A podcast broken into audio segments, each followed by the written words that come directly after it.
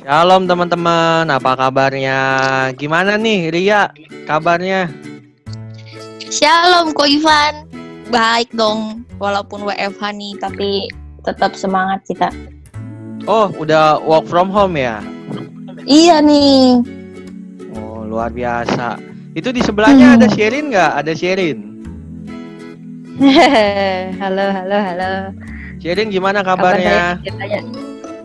Ya kabarnya masih separuh-separuh WFO sama WFH. Masih ke office WFO. juga. Oh, office. Ya work, work work from office. Oke. Nah, di sini juga ada Santi. Gimana kabarnya Santi? Hai, baik-baik. Baik, udah udah WFH juga atau masih ke kantor? gue udah full sih, udah full WFH. Udah full WFA. Oke, uh, hari ini kita juga ditemenin sama temen kita yang jauh di sana. Koko, gimana kabarnya di sana Koko? Suara saya jelas? Halo, halo. Akhirnya gue disebut juga, gue pikir gue nggak diundang di sini. By the way, namanya belum disebut, Pantong diperkenalkan dengan baik. Oh gitu. Gue pikir lu mau memperkenalkan diri sendiri. Oke, di sini kita juga ditemenin sama orang import ya. Koko Arif. Udah Halo lama nih nggak ketemu. Nggak ketemu Koko Arif ya. Kangen juga ya. Oh iya, gue sih biasa aja sama kalian. Terima kasih dari kangenin. Kurang ajar. Oke, Koko Arif sibuk apa Koko di sana? Boleh ceritain nggak Koko di sana kondisinya gimana? Kalau di sini kebetulan gue lagi melanjutkan studi S2 ya. Eh, di sini memang kondisi sih kira-kira nggak jauh beda sama Indonesia. Memang virus corona ini sedang berbab. Jadi semuanya itu sedang dianjurkan untuk melakukan segala kegiatan sebisa mungkin di rumah dan tidak melakukan perkumpulan. Jadi memang perkuliahan ini lagi kena dampaknya. Jadi ya setiap hari kita mengisolasi diri aja seperti itu. Oke, oke. Tapi jaga kesehatan ya Koko di sana. Jaga hati juga. Tuhan. Oh luar biasa. Pesan-pesan tersembunyi. Oke, teman-teman, hari ini kita mau ngobrol sedikit. Karena kan hari ini tuh pandemik COVID-19 itu sudah cukup meluas ya. Banyak dari kita juga udah- udah yang work from home. Kita pingin tahu gitu loh, teman-teman ketika WFH itu di rumah ngapain aja sih? Saya nggak yakin kalau jam 9 sampai jam 6 sore kerja terus di rumah pasti ada waktu luangnya. Namanya juga di rumah kan? Coba dong kita berbagi coba dari Cici Santi dulu nih. Cici Santi biasanya yang paling nganggur nih di rumah nih. Ngapain aja, Ci? Selain kerja di rumah, Ci? Ngapain ya gue ya? Ya itu kerja, Netflixan, bikin-bikinan. Netflix nonton apa, Ci? Banyak loh. Gue anjurin pada nonton Black Mirror sih. Black Mirror kayak Eh, promosi. nggak promosi. Sedikit membuka wawasan ternyata teknologi bisa berbalik pada manusia. Emang cerita tentang Waduh. apa? itu lumayan kejam sih. Jadi kayak kita kan merasa teknologi itu wow ya. Ternyata kalau di Black Mirror itu malah teknologi itu kayak against manusia gitu loh, kayak melawan manusia gitu. Itu boleh lah. Es, ma- ma- manusia ngelawan manusia. Teknologi melawan manusia. Oh, teknologi melawan manusia. Terus udah nonton Netflix aja tuh. Ya, full begitu. day gitu. Ya kerja, kalau misalnya udah dipanggil kerja ya kerja. Jadi tapi kalau sebenarnya positif negatifnya enak sih. Positifnya kayak lebih Apa tuh? santai. Negatifnya kayak lu nggak punya waktu yang kayak jelas gitu. Kalau di kantor kan lu jam 8 sampai jam 5. Kalau sekarang kayak jam berapa aja lu bisa dipanggil buat kayak tanya kerjaan. Dan lu harus. Iya benar, gue setuju. Hmm. Itu negatifnya doang sih. Kalau kalau Ciciria gimana Ciciria? Katanya setuju-setuju aja, sharing dong Cici. Iya iya. WFH di rumah. Emang kerja Iya. dari jam 9 sampai jam 6 full. Kalau Iya iya. Iya. Jadi kalau tadi kata Santi tuh bener yang soal WiFi itu memang jamnya nggak nggak nggak di nggak nentu ya. Soalnya mm, karena kan misalnya kita jam 8 malam nih yang harusnya kan kalau kita kerja uh, office hour ya udah pulang kan. Nah kalau sekarang jam 8 pun masih di WA sama bos kayak gitu. Kadang sampai jam 12 malam mau tidur aja bos bisa WA loh gitu kan. Nah itu sih sedikit sharingnya 12 ya malam? WFH di rumah ya kadang cuman kalau kesel ya udah nggak usah dibalas kalian lah iya lah jam 12 malam kan nah, Astaga, semoga bosnya nggak dengar podcast ini. iya walaupun denger juga nggak apa-apa biar dia sadar gitu kan. Sherin, Iya. Sherin, nah Sherin. kalau mm, mm, mm, mm. kalau Sherin, kalau Sherin katanya kan work from office. Cici dia nggak takut sama dedenya itu kenapa-napa? apa tuh Enggak. Jahat nih jadi Cici. oh dia masih office ya Ya iya, saudara. Ini cicinya gimana, saudara? nggak ada bisa jaga diri tenang aja Oh, sekarang udah ada yang jagain ya. iya itu dia maksudnya gitu udah ada yang jaga tenang aja bodyguard gitu kan Mm-mm. Tuhan ya. Ayo dia lanjut Iya. tadi posit positifnya Lanjut apa? ya. Tadi kan negatifnya. Iya betul betul. Nah kalau positifnya WFH itu eh selain kerja sih sebenarnya eh, baca bu baca apa ya? Baca webtoon. Kadang baca webtoon. Lagi lihat-lihat eh kok bagus ya? Udah baca aja sampai satu episode. Bukan episode sih maksudnya kan sampai kelar gitu kadang baca tuh sampai malam. Terus di sisi lain ya baca Alkitab juga. Gitu. Terus sama ini sih sebenarnya kalau dibilang eh, baca sama oh sama ya paling nyuci nyuci baju gitu nyuci Eh, sama ini sih. Sebenarnya dibilang semua kegiatan itu sebenarnya lebih banyak kerjanya juga sih soalnya kan emang udah biasa banyak kan kerja di rumah kan. Emang kerjaan eh, aku kan memang menuntutnya emang banyak kan kerjaan di rumah jadi kalau ke consulting itu eh, banyak kerjaan yang memang aku pegangnya di rumah gitu selain di kantor. Dan juga kan memang ada laptop di rumah bukan PC yang di kantor itu. Jadi kalaupun di rumah ya tetap kebanyakan kerja juga gitu. Oh, lebih banyak kerja apa baca webtoon? kemarin jujur gue baca webtoon seharian tuh kayaknya Kacau nih. kacau nih tapi tetap ya jangan lupa baca kitab loh Iya, iya pasti tuh. Sharing, sharing coba sekarang dedenya yang sharing. Tadi kan katanya masih masih ke Gimana kantor. Kok kok bisa masih ke kantor? Bisa bisa diceritain nggak sharing?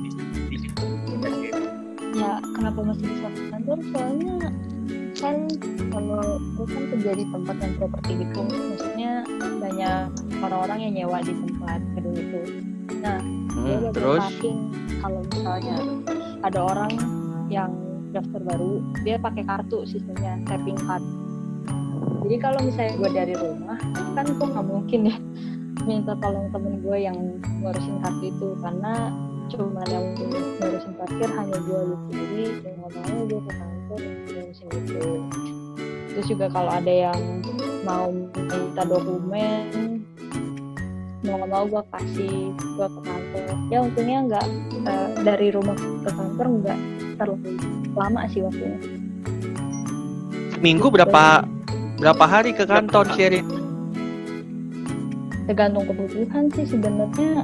Kalau based on jadwal sih cuman sekali cuman kan kalau misalnya tenan atau penyewa itu kan kita nggak tahu kebutuhan mereka tuh kayak gimana kalau emang dia butuh ya gue datang ke Hmm. Tapi jaga kesehatan ya, Sharing pakai masker hati-hati loh. Ntar ah, kalau kamu sakit ada yang sedih. oh ya ngomong-ngomong saya sudah melakukan aktivitas kawan-kawan. Kenapa Sharing boleh kencengan ngomongnya nggak kedengeran? ya saya sudah melakukan dua kali rapid test Cil. Oh, Rapid iya. test. Oh. Jadi, rapid Ya, test gue iya tes ya dari kantor. Jadi ya udah dua kali rapid test, hasilnya puji Tuhan negatif. Jadi jangan takut kawan-kawan. Kalau boleh tahu kalau rapid test itu gimana di tesnya? Iya, rapid testnya gimana tuh Sherin? Rapid Eh, testnya gimana tuh Sherin? Rapid testnya sih dia kayak ada alat alat gitu terus kita darahnya kayak diambil jadi kayak tes- kurang lebih kayak tes kolesterol gitu cuman yang ada darah jadi nggak perlu puasa gitu Kolesterolnya tinggi. Enggak, ini kan rapid test coy hasilnya gue negatif Saya sih nggak takut sama kamu. Saya takutnya sama cici kamu.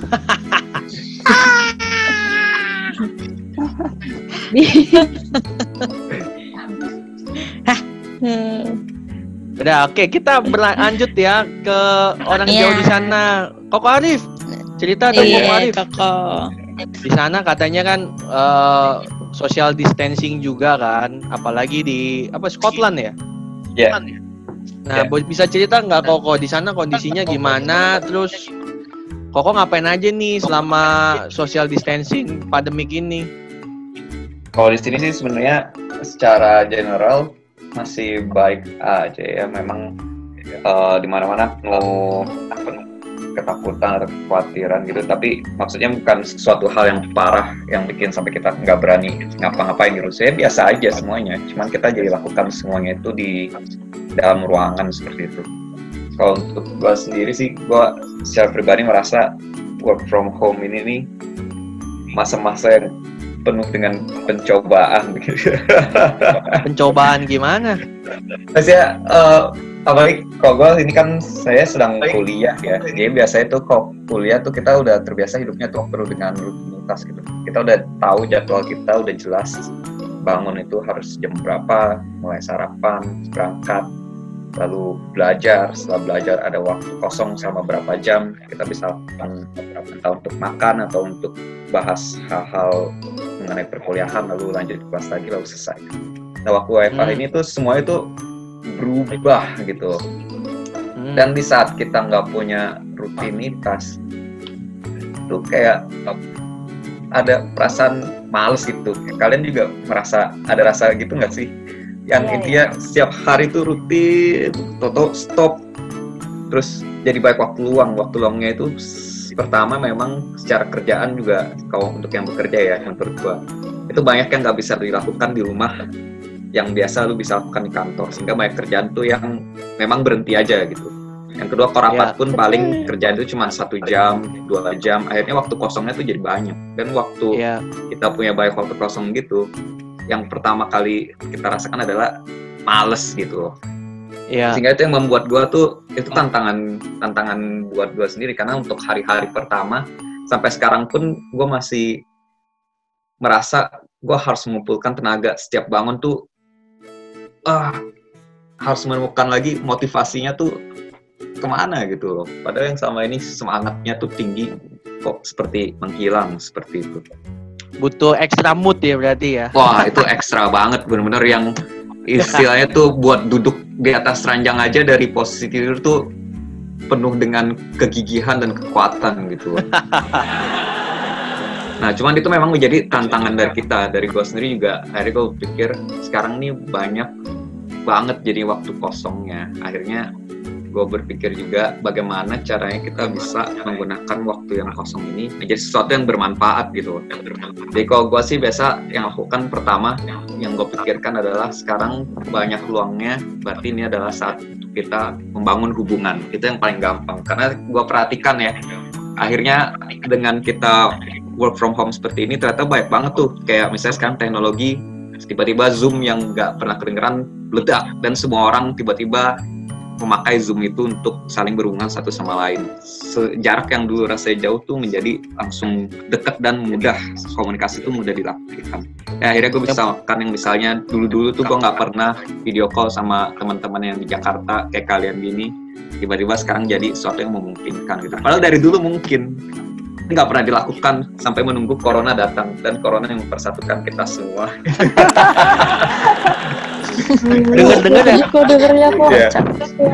dengar-dengar ya, Rif. Dengar-dengar ya, Rif. Katanya yang yang yang buat si Zoom kayak mendadak loh. Iya, itu memang suatu efek yang kira-kira bisa kita eh, perkirakan sebelumnya gitu loh. Tapi kita nggak bahas itu sih. Ya terima kasih untuk yang ngebuat zoomnya. Semoga hidup kalian terus diberkati seperti itu. Amin.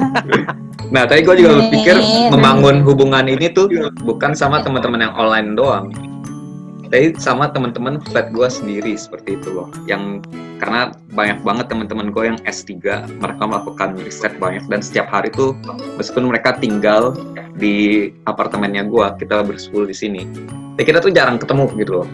Dan setelah corona merebak, semua aktivitas berhenti. Dan akhirnya kita jadi sering bertemu di dapur seperti itu berkumpul dan itu saatnya kita bercengkrama ngobrol-ngobrol sama mereka. Mungkin ini bisa juga buat teman-teman yang di rumah yang selama ini nggak ada virus ya beraktivitas seharian keluar tinggal serumah mungkin ada yang masih sama orang tua, ada yang sama keluarga, ada yang sama anak mungkin jarang ngobrol karena kesibukannya masing-masing. Tapi mungkin ini saat yang tepat ketika semuanya nggak melakukan apa-apa, tapi kalian masih di kamar masing-masing dan nggak ngobrol, menurut gue itu sesuatu hal yang aneh gitu karena ini kesempatan buat kalian. Iya sih. Tapi Hmm, ya soal eh, quality time sama keluarga, ya emang sih gue kerasa banget karena gue biasa dailynya eh, gue kuliah, eh gue kerja, terus abis itu kuliah sampai malam. Jadi kayak waktu di rumah tuh jarang banget tuh Sabtu belum ada kegiatan kayak gym dan mungkin tugas untuk kuliah. Jadi kayak jarang banget kan di rumah. Menurut gue ini Iya Ini benar-benar. suatu Jadi hal punya yang waktu bersama dipakai keluarga oleh- sih. Betul. Mm-mm. Terus jadi di di dorm lo di apartemen lo di sana eh, ngisi waktunya mendekatkan diri sama teman-teman di sana. itu salah satu yang gue pakai sih seperti itu Karena biasanya kalau malam tuh semua di kamar masing-masing. Atau belajar ya kalau sekarang memang kita belajar juga tetap tapi belajarnya kan bisa dilakukan porsinya waktunya tuh dibagi-bagi. Dan akhirnya kita bisa menemukan waktu luang bareng. Kita bisa main bareng kita bisa ngobrol bareng saling mengenal lebih dekat lagi lah kira-kira seperti itu. Oke oke. Terus ada ada ada kegiatan lain nggak, Rif, yang di sana yang bisa lo isi waktu luang lo? Bisa sih. Itu satu hal, jadinya memang pertama gue pikir untuk membangun hubungan lebih dekat lagi dengan orang-orang yang berharga, orang-orang yang gue anggap dekat lah gitu ya.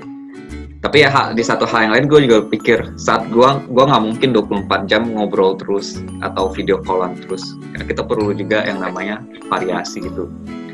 Nah akhirnya gue juga pikir bagaimana waktu kosong gue tuh bisa gue gunakan untuk meningkatkan skill atau kemampuan gue.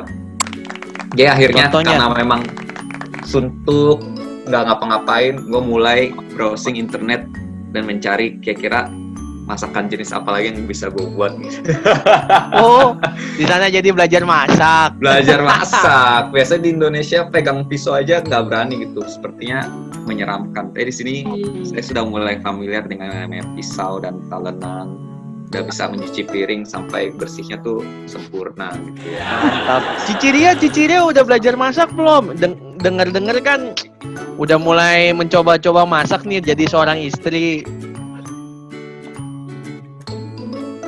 Ciciria gimana Ciciria? Ciri yang nggak mau jawab sepertinya pertanyaannya terlalu menyeramkan. Ya udah lanjut Rif. ya paling itu aja sih masak. Gue juga lihat tren terakhir tuh di Instagram semua orang tiba-tiba membuat yang namanya kopi dalgona. Lah, kok kalian nggak tertawa? Kalian mengerti nggak sih kopi dalgona itu apaan? Lagi hits Enggak terus lu coba. Enggak lah. Jadi maksudnya karena gue memang bukan penggemar kopi gitu ya, tapi itu satu hal yang misalnya cukup bermanfaat kira-kira begitu lah ya.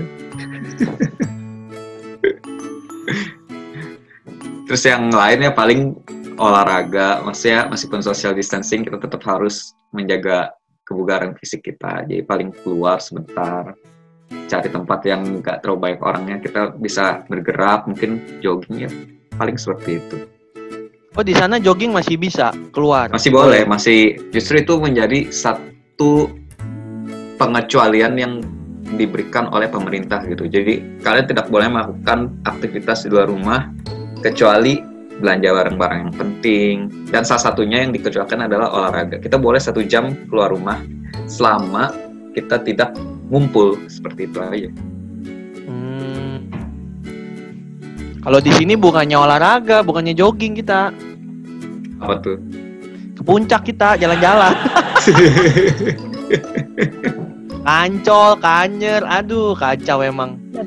Luar biasa.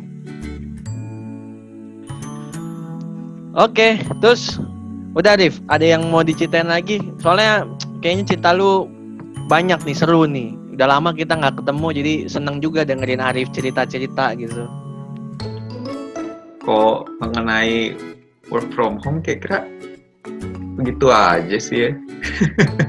Nggak ada lagi tambahannya. Kalau Cici Santi gimana Ci? Cuma Netflix doang seharian, nggak ada tambahan lagi. Cici Santi gimana Ci? Cuma Netflix doang. Sebenarnya ya ada sih bebikinan jadinya.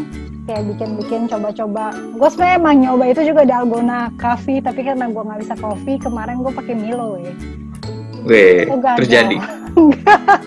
Ternyata Milo Jadi nggak bisa. dalgona dalgona Milo dong. Iya, ternyata Milo itu nggak bisa jadi foam. Dan gue ngerasa ya ampun Terus? kok gagal. Dan ternyata gue lihat-lihat emang di YouTube emang kalau Milo tuh mesti kayak ditambah whipped cream lagi gitu loh. Tapi itu benar-benar bikin hit sih. Dan gue lihat emang banyak banget orang kayak bikin waktu luang tuh sekarang jadi kayak suka bikin, suka masak. Teman-teman gue pun sering banget share dia habis masak ini, masak itu. Emang jadi kayak positifnya lu bisa membuat sesuatu yang kayak dulu ngerasa kayak gue nggak punya waktu deh buat bikin ini gue nggak punya waktu deh buat eksperimen buat coba sesuatu ini tapi akhirnya kayak mungkin ini juga sesuatu waktu Tuhan sekarang buat kita kayak lebih kayak lu punya loh waktu luang lebih banyak lu bisa pakai ini buat sesuatu yang lebih itu positifnya Setuju, setuju, setuju, setuju. Kalau gua, gua juga work from home dan selama dua minggu ini gua di rumah, gua udah belajar menjadi bapak rumah tangga yang baik. Gua nyapu ngepel, gua masak, gua apa tadi, eh, siram tanaman, gua jemur baju, gua nyuci, gosok, apalagi ya, banyak deh. Jadi bener-bener kayak bapak rumah tangga gua. Jadi yang ntar yang menikahi gua pasti dia beruntung deh. Oh iya iya. Ya gitulah. Kalau di gua sama kayak si Ria tadi. Ya kita punya waktu luang cukup banyak. Cuman tiba-tiba kalau ada telepon untuk Zoom meeting lah, untuk balas email, untuk follow up sini, follow up sana ya harus standby. Karena kemarin aja kita eh, bisa tiba-tiba setelah jam 6 sore gitu ya ditelepon suruh follow up ini follow up mana walaupun itu hitungannya kan jam eh, istirahat gitu tapi ya mau nggak mau karena kan kita udah full day di rumah kayak gitu sih Oke guys, dari tadi udah dengerin kita cerita. Sekarang kita mau dengerin satu pujian nih teman-teman. Sem- Semoga pujian ini bisa memberkati kalian dan here we go. Silakan mendengarkan.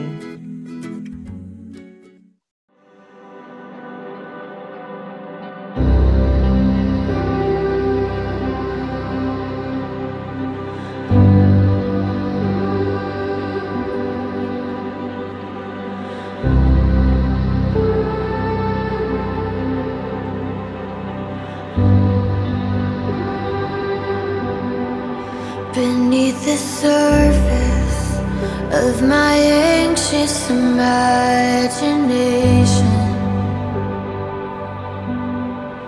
beckons a calmness that is found in you alone. It washes over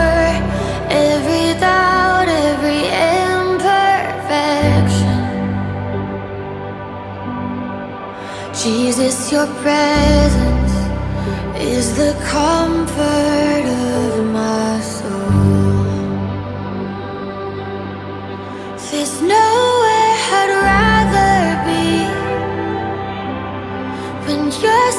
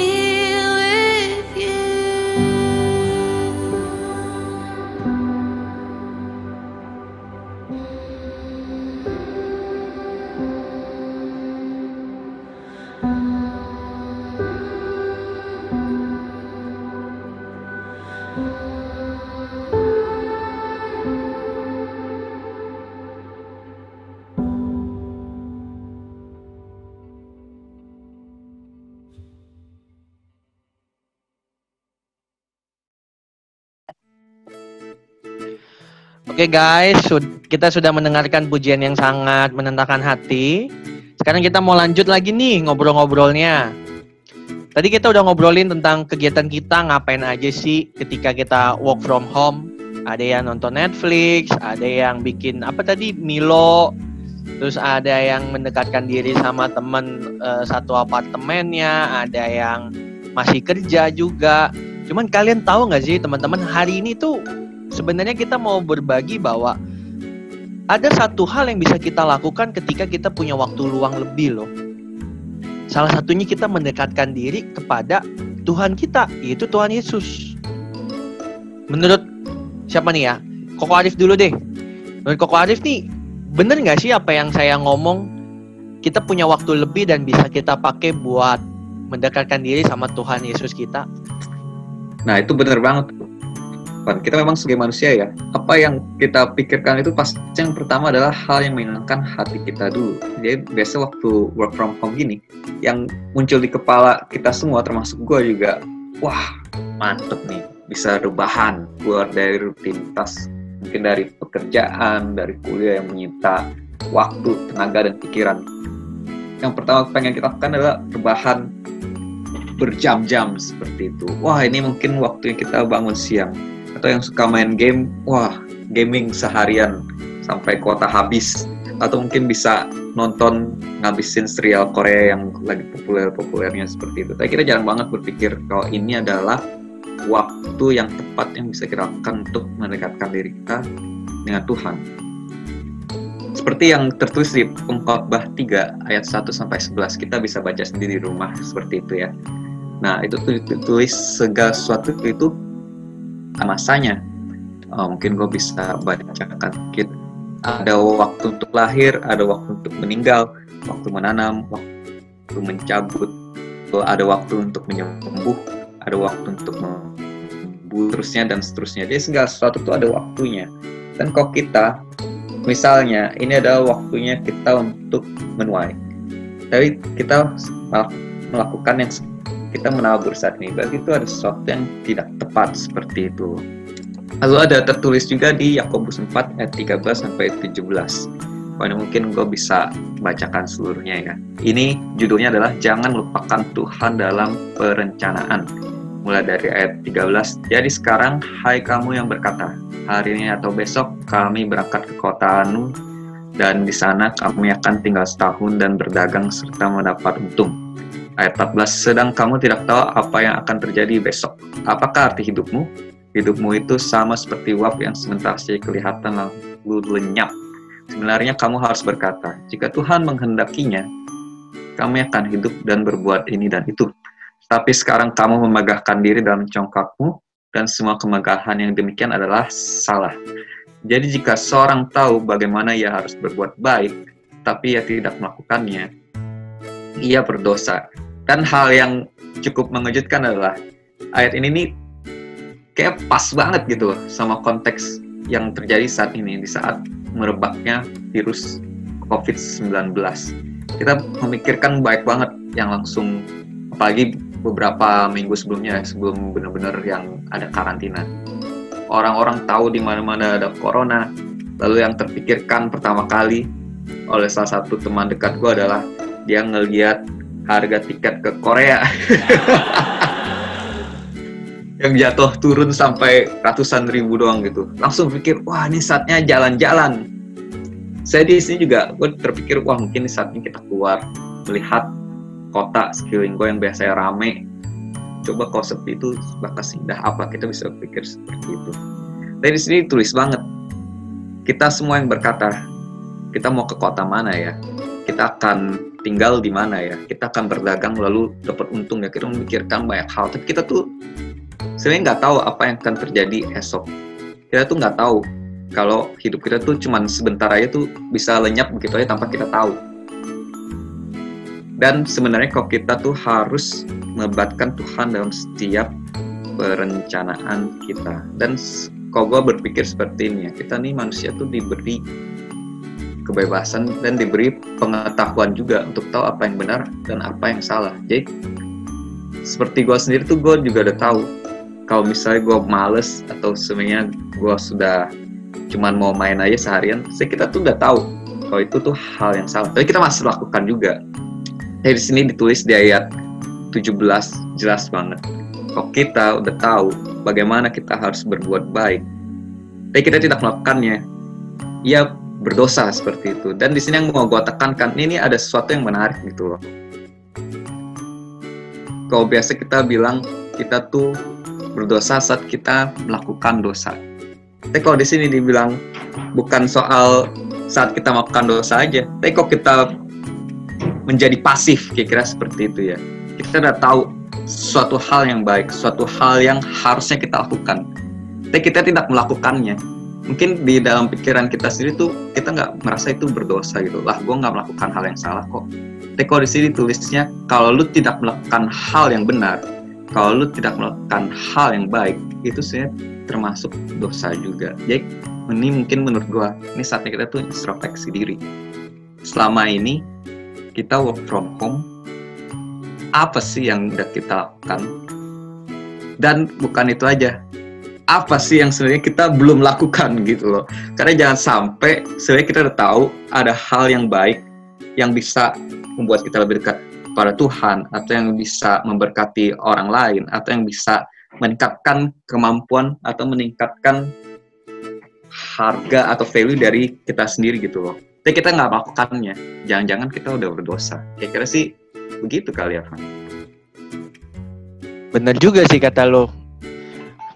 Dari pengkhotbah itu semua ada waktunya.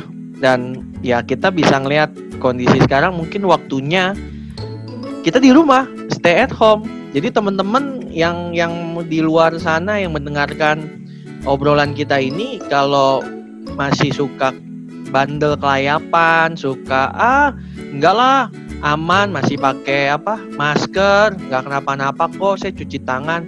Bukan masalah amannya bos. Takutnya situ yang jadi carrier. Hmm, Per- mungkin mungkin mungkin kita fine mungkin kita sehat. Cuman kondisinya bisa aja kita yang carrier orang lain yang kena. Jadi betul betul. ya itu sih pendapat gue ya dari dari apa yang disampaikan si Arif ada benernya juga. Kalau dari Ciciria gimana Ciciria? Pendapatnya dari apa yang udah disampaikan Koko Arif Iya, tadi bener banget. Emang semuanya itu, eh eh, iya dari pengkhotbah tiga tadi ya semuanya itu ada waktunya gitu. Kadang eh, yang tadi sempat apa nyimak banget tadi yang maksudnya kita eh, ada waktunya untuk lahir, ada waktu meninggal dan gua barusan baca berita gitu maksudnya Glenn Fredly meninggal tuh semua ada waktunya gitu loh. Even apalagi hidup kita gitu. Itu bener-bener yang kayak kerasa banget kita benar-benar harus pasrah dan juga tetap apa ya namanya ya tetap patuh gitu loh patuh. Gimana ya yang tadi Ko Ivan bilang juga bener banget ya di rumah gitu ya disuruh di rumah ya di rumah gitu loh jangan main-main eh, keluar yang nggak penting malah kayak gitu sih. Bener-bener sih harus patuh. Oke oke. Dari Sherin sama Santi mungkin ada yang mau ditambahkan dari pembahasan Arif tadi? Karena ini cukup penting sih. kalau Coba Sherin Sherin. dari gue sih gini. Coba, ya kayak tadi kita nggak tahu hari esok ya. Gue juga awalnya kan eh, pas imlek kita lihat kan Wuhan itu akhirnya nggak bisa imlek. Maksudnya di mana? Imlek tuh biasa Cina di apa masyarakat Cungko yang sangat apa ya euforianya kerasa banget lah imleknya. Tapi kayak tahun ini tuh benar-benar lesu gitu di mana eh, merasakan berita duka dan gue pikir ya cuma di Cina aja gitu. Dan ternyata amaze-nya ini sampai ke dunia men. Hampir seluruh dunia kena termasuk Indonesia gitu. Yang kita pikir kita negara tropis kita negara lembab gak mungkin lah kena gitu. Dan ternyata kena juga. Jadi ya gue juga nggak pernah ngebayangin gitu loh se amaze ini kejadian corona ini gitu. Santi ada yang mau disampaikan San? Mungkin kalau bisa diceritakan untuk kesimpulannya ya deh. Hari ini kita ngapain aja sih? Apa yang lu dapet deh hari ini? Tapi ya benar juga sih yang kayak kata Arif bilang kayak di Yakobus 4 itu kayak setiap perencanaan kita emang harusnya jangan sampai kita lupain Tuhan. Dan gue mengakui sekali maksudnya kayak kita nggak tahu sampai kapan ternyata ini corona. Tapi kayak gue sama keluarga gue udah kayak prepare untuk tahun ini seperti ini tahun itu seperti ini gitu. Ternyata nggak tiba-tiba kita nggak nyangka corona tuh datang gitu aja. Tiba-tiba bukan cuma satu negara tapi seluruh dunia tuh kayak was-was tentang virus ini. Nyangka gak sih kayak tiba-tiba di tahun 2020 yang kayak kita kira-kira New Year yang kayak masih euforianya masih berasa gitu New Year apa tahun yang baru ini gue mau mencapai ini mencapai itu. Ternyata ada virus ini gitu loh. Jangan sampai kayak kita udah merencanakan segala hal tapi kita nggak kita nggak prepare the worst dan kita nggak ngandelin Tuhan malah kita jadi kecewa.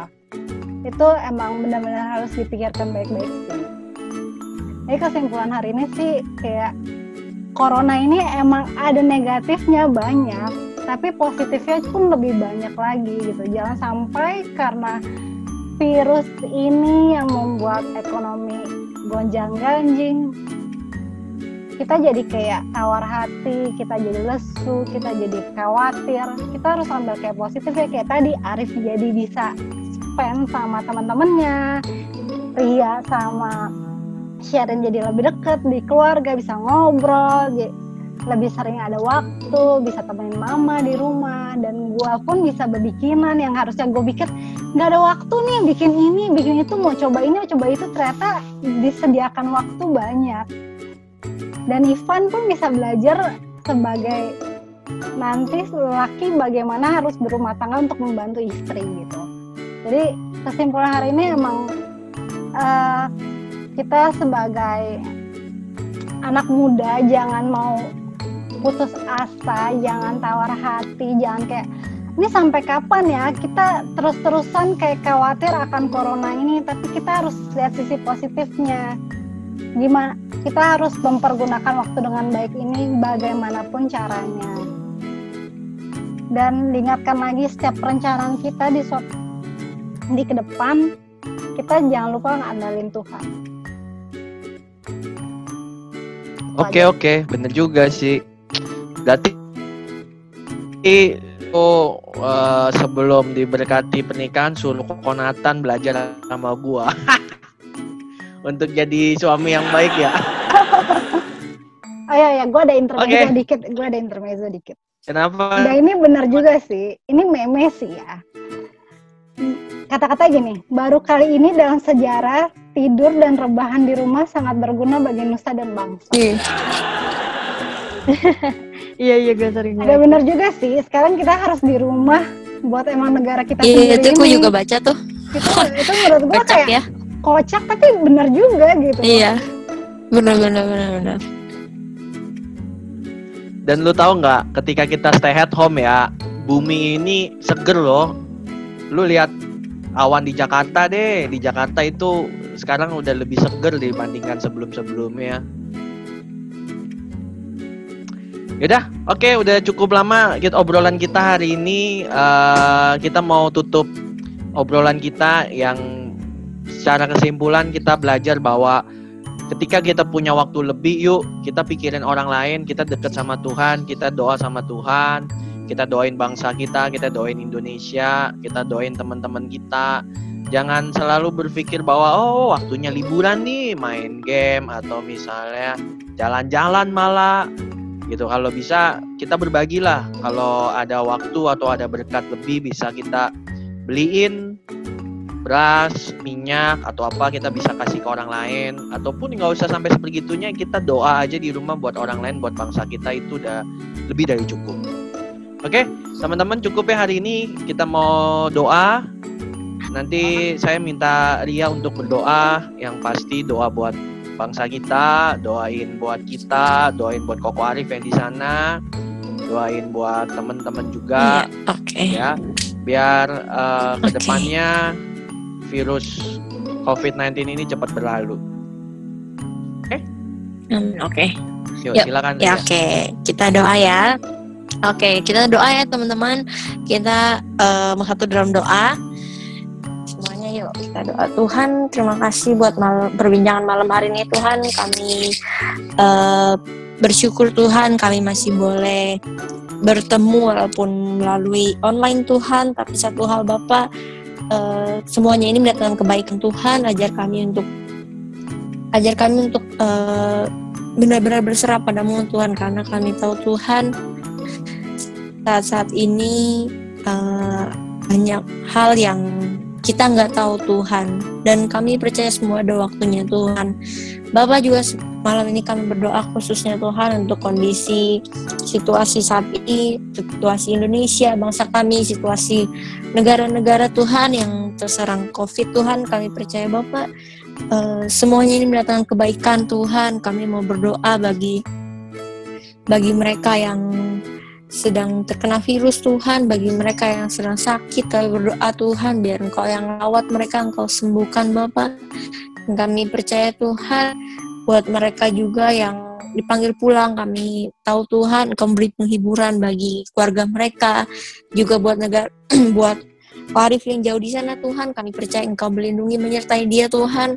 Di mana pun dia berada dan kami percaya Tuhan dia boleh tetap melanjutkan studinya dengan baik Tuhan sampai nanti dia boleh kembali kemba- kembali ke Indonesia lagi dengan selamat. Kurang tanpa kurang satu apa pun juga Bapak kami berdoa buat masing-masing kami yang di rumah. Kami percaya Tuhan semuanya ini mendatangkan kebaikan.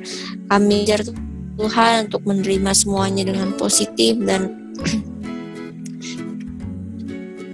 kami tentunya mau terus berserah padamu Tuhan. Kami mau berdoa juga buat yang mungkin masih harus bekerja di luar sana. Berkati Tuhan, melindungi mereka Tuhan, menjaga mereka Tuhan, jauhkan dari segala macam virus Tuhan. Kami percaya Bapak, penyertaanmu sempurna atas setiap anak-anakmu. Kami juga berdoa buat teman-teman yang masih, teman-teman yang lainnya juga yang di rumah Tuhan, teman-teman Jimers nantinya. Tuhan jaga terus Tuhan, pimpin mereka Tuhan. Kami mau terus dekat padamu Bapak, biar di waktu-waktu akhir ini kami tahu Tuhan, kami boleh hidup berkenan di hadapanmu Tuhan. Terima kasih, jaga kami terus Tuhan, lindungi kami, biar Engkau biar Engkau sungguh gunung batu dan eh, kekuatan kami, perlindungan kami. Terima kasih Bapak, kami serahkan semuanya dalam tanganmu, hanya lebih nama Tuhan Yesus kami berdoa, haleluya, amin. Thank you Ria. Thank you semua. semua. God Thank you, bless thank you you. all. Stay healthy, stay at home ya.